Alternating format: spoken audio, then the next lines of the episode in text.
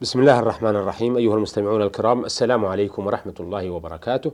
وأهلا ومرحبا بكم في لقائنا هذا مع فضلة الشيخ صالح بن عبد الرحمن الأطرم عضو هيئة كبار العلماء. مرحبا بالشيخ صالح. حياكم الله وسدد الله وطال الجميع آه، شيخ صالح تقدم لنا في اللقاء الماضي أن الحلف بغير الله شرك. آه، نود في هذا اللقاء أن نعرف ما هي صيغة الحلف بالله. بسم الله الرحمن الرحيم. الحمد لله رب العالمين والصلاة والسلام على نبينا محمد وعلى آله وصحبه أجمعين. آه، صيغة الحلف هو أن يأتي بحرف من حروف القسم آه، مثل الواو والباء والتاء هذه حروف القسم. فإذا كان بالله فهذا هو اليمين المشروع والحلف المشروع. كان يقول والله أو بالله أو تالله كما جاء في القرآن وتالله لأكيدن أصنامكم. وقوله وأقسموا بالله. فهذه صيغ آه، اليمين. فإذا كانت آه، بغير الله فقد تقدم في حلقة مضت حكم الحلف بغير الله أي من المخلوقين. الحكم الحلف بغير الله تقدم حكم ذلك. نعم. فهذه صيغة اليمين. ولا تكون صيغة في غير هذه الحروف آه، الثلاثة. نعم. ذكرتم المثال على التاء لكن نود لو تذكروا لنا مثلا مثال على الباء والواو. آه، ال- ال- الواو كثير مثل والذي نفسي بيده. نعم. وهو الله سبحانه وتعالى قول الرسول والذي نفسي بيده. والباء مثل وأقسموا بالله. نعم.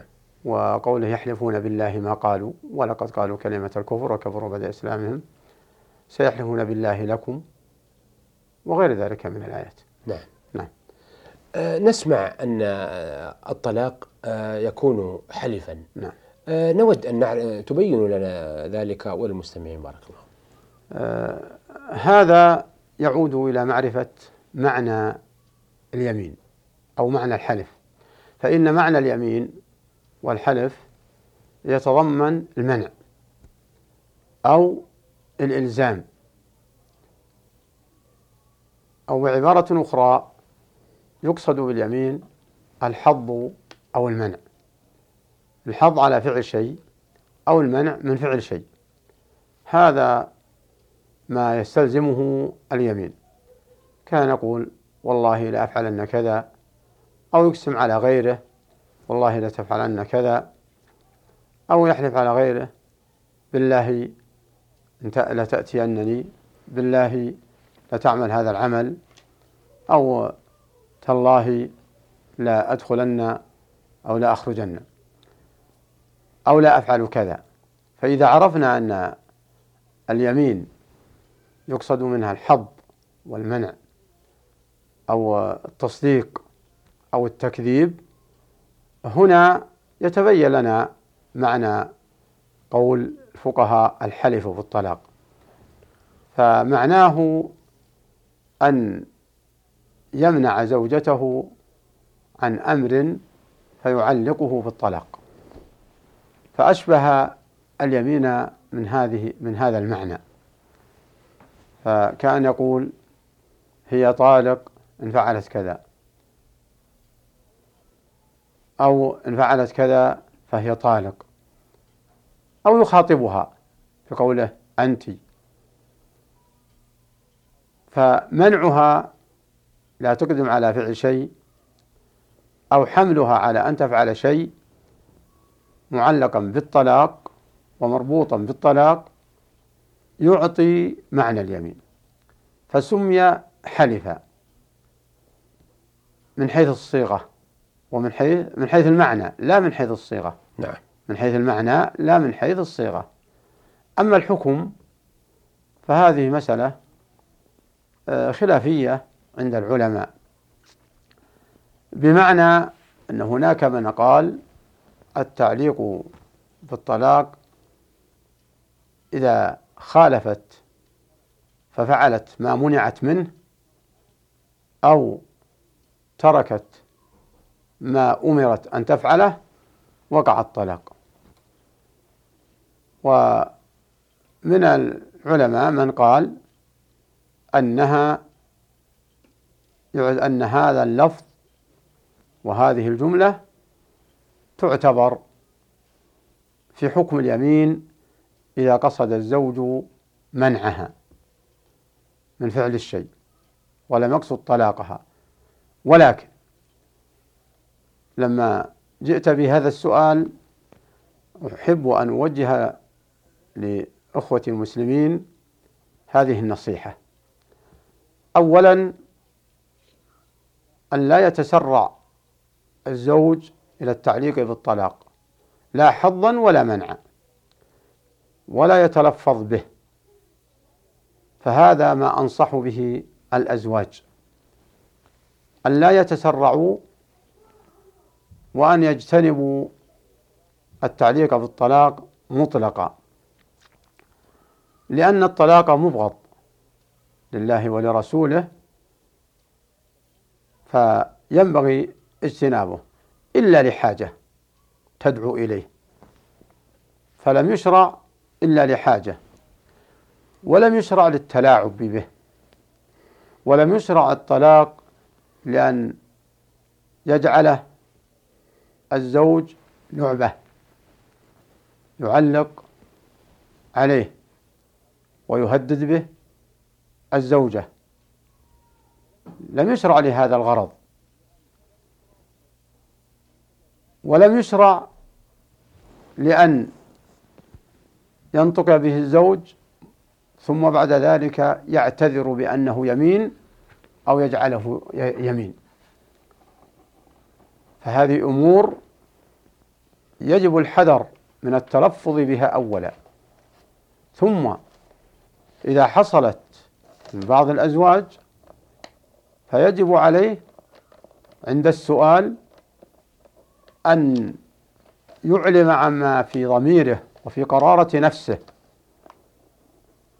ولا يصح أن يلجأ إلى معنى اليمين بعدما أوقع الطلاق وظهر له الندم وتلاعب وتلاعب بكتاب الله وبسنة رسول الله أخذ يظهر الندم ويظهر التأويلات.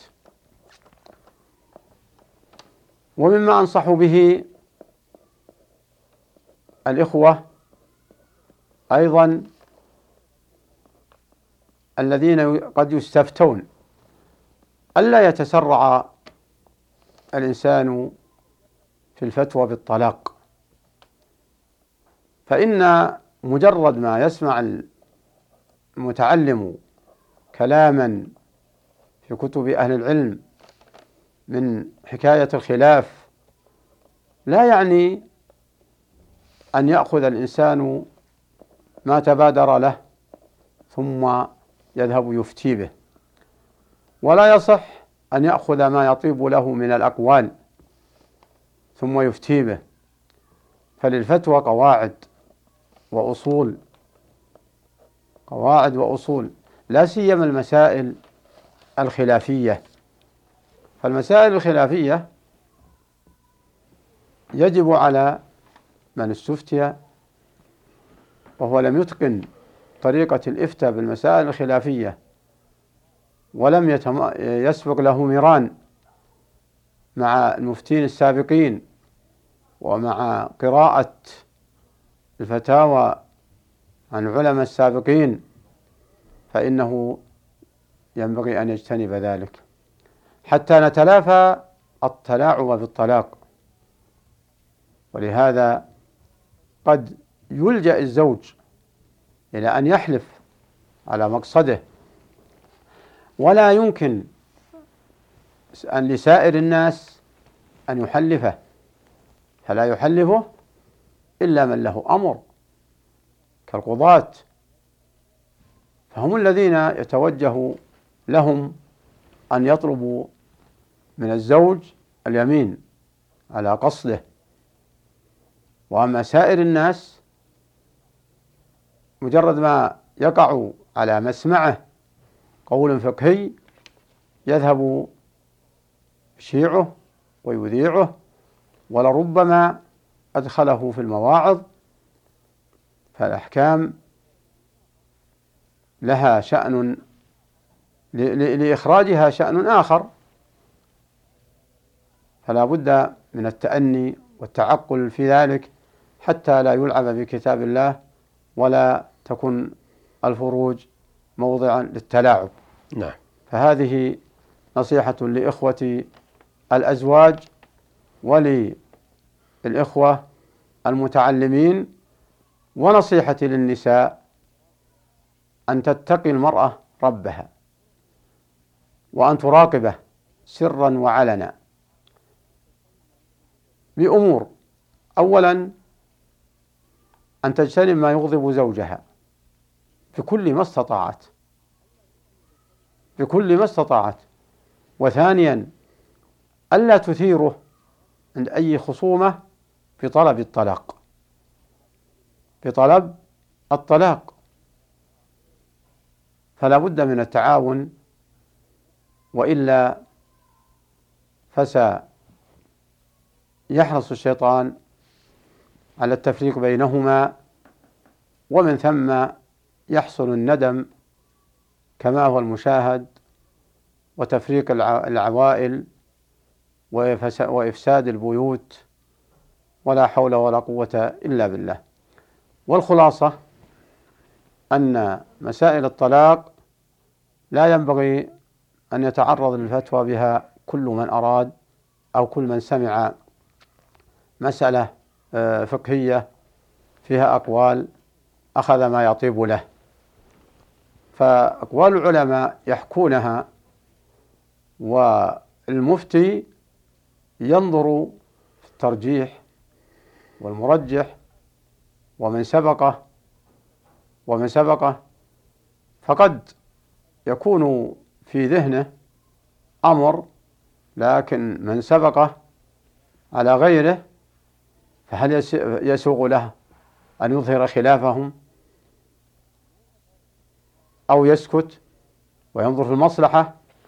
ما أثر إظهار الخلاف على قول شاع في المجتمع ثم أظهر الخلاف على هذا المجتمع ب على هذا المجتمع إن أثره عظيم. أثره التشكك في العلماء وأثره إيقاع الخلاف بين العامة وبين الخاصة.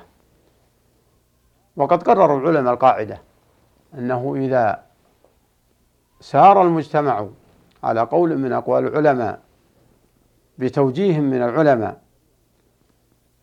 وبدليل هذا القول على دليل من الشريعة من كتاب أو من سنة فأن فإن من رجح في عنده أو ترجح عنده قول آخر لا ينبغي أن يحمل الناس على ما عنده.